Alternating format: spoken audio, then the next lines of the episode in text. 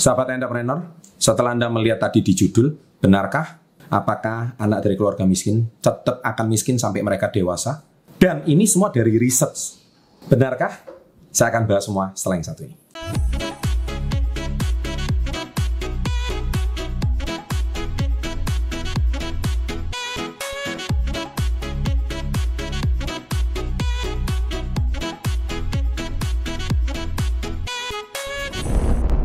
Baik, tadi eh, temuan ini adalah sebuah research dari Lembaga Semeru Institute. Ya, Anda lihat saya bacakan beritanya. Anak yang lahir dari keluarga miskin cenderung penghasilan lebih rendah ketika mereka dewasa. Penelitian telah dipublikasikan di makalah internasional Asian Development Bank (ADB) menunjukkan bahwa anak-anak miskin setelah dewasa 87% lebih rendah dibanding mereka yang sejak anak-anak tinggal di keluarga miskin. Jadi anak-anak miskin setelah dewasa 87% lebih rendah ketika lingkungan keluarga mereka tuh miskin. Menggunakan data yang diambil dari kehidupan rumah tangga di Indonesia atau yang disebut dengan IFLS Indonesian Family Life Service. Tim peneliti Semeru Institute yang dipimpin oleh Mayang Rizky, Daniel Suryadharma, Asep Suryadi mengolah data 1522 anak dan membandingkan pendapatan mereka pada tahun 2000 ketika mereka berusia 8 sampai 17 tahun pendapatan mereka pada 2014 ketika mereka menginjak usia 22 sampai 31. Menariknya, ketika riset ini dirilis ke publik, beberapa pihak menyaksikan hasil penelitian tersebut.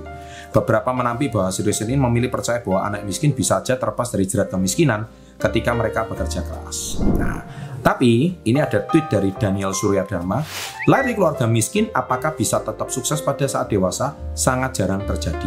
Berikut hasil studi kami di Indonesia. Nah ini semua by research ya, sekali lagi by research. Penelitian tersebut memang bersifat kuantitatif dan tidak menjawab mengapa anak yang tumbuh dari keluarga miskin akan cenderung tetap miskin. Mereka tidak menjelaskan mengapa. Tahu permasalahannya di mana? Itu kan di channel Success Before 30. Anda tahu sendiri yang menjawab bagaimana Anda bisa keluar dari jerat kemiskinan. Namun di 2015 saya terlibat sebuah penelitian kualitatif yang juga dilakukan Semeru Institute.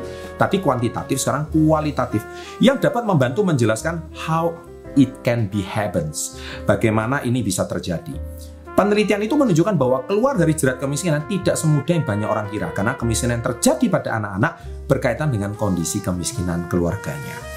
Kemiskinan keluarga akan membatasi akses anak-anak mereka terhadap berbagai kesempatan, misalkan dapat pendidikan dan pelayanan kesehatan yang baik, yang sebenarnya diperlukan untuk memperbaiki kondisi ekonomi mereka.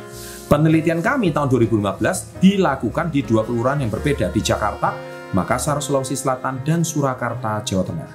Riset ini melibatkan setidaknya 250 anak laki-laki dan perempuan dari keluarga miskin yang berusia 6-17 tahun di tiga kota tersebut.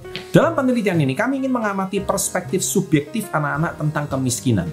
Kami mewawancarai anak-anak tersebut tentang kondisi hidup mereka, menemukan bahwa perbedaan kondisi kesejahteraan orang tua menentukan nasib anak-anaknya. Penelitian ini menemukan bahwa anak-anak rupanya sangat mampu menjelaskan kompleksitas kemiskinan yang menjeratnya.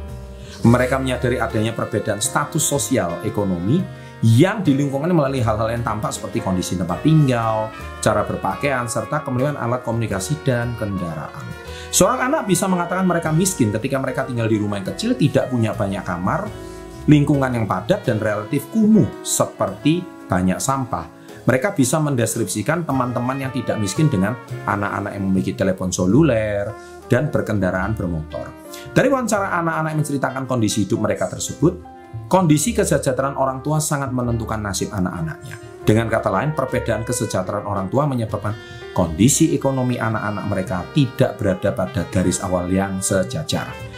Anak yang orang tuanya memiliki aset atau sumber daya, maka akan memberikan peluang bagi anaknya untuk dapat meningkatkan kesejahteraan atau kesuksesan di masa depan. Misalnya anak yang terakhir dari keluarga kaya memiliki peluang jauh lebih besar untuk memiliki pendidikan non formal baik yang sifatnya mendukung capaian formal ataupun sifatnya mengasah keterampilan, serta kemampuan emosional dan spiritual bahkan sejak usia dini.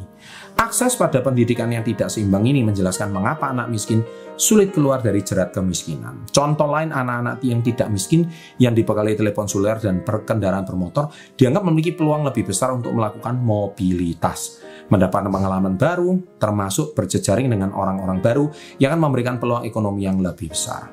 Belum lagi perbedaan pola asuh di masyarakat miskin yang cenderung otoriter dan reaktif terhadap risiko budaya yang melanggengkan budaya miskin.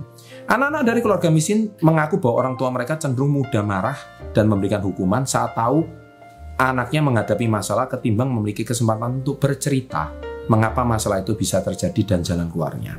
Ini memang terjadi dan paling gampang tuh lihat di sinetronnya Indonesia ya. Anda pasti tahu sendiri sinetron dari televisi mana. Kamu paham.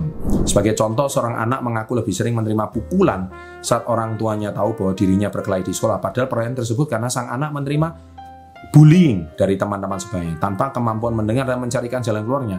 Perilaku orang tua seperti itu hanya akan membuat sang anak semakin frustasi menjalani pendidikan. Padahal pendidikan adalah solusi bagi kemiskinan. Pola pengasuhan tentu sangat berkaitan dengan pendidikan orang tua. Kita tahu bahwa sekitar 63% penduduk miskin di Indonesia hanya memperoleh pendidikan setara sekolah dasar atau tidak bersekolah sama sekali. Itulah sebab sekarang saya bersama CPN Foundation dengan kitabisa.com saya menggalang dana itu namanya generasi pemuda beramal. Anda lihat hashtagnya di sini. Ya, saya tampilkan videonya di sini. Klik link ini sekarang juga mengapa saya mengumpulkan dana untuk memberikan beasiswa kepada orang-orang miskin.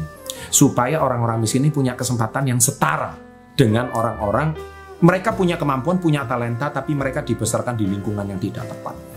Nah, dalam penelitian ini, ini sangat luar biasa dan ini artikelnya sangat panjang, saya akan tampilkan di link, link deskripsi. Sekarang pertanyaan saya satu, mengapa di thumbnail cover video saya, saya menampilkan video Aji Krishna? Kita tahu Aji Krishna itu berangkat dari kondisi yang sama dengan anak seperti itu tadi. Lahir di kota kecil Singaraja yang sangat kumuh, sangat kecil, ya di desa Bali utara, tetapi beliau merantau ke Denpasar benar-benar hanya uh, mengikuti truk dan berjalan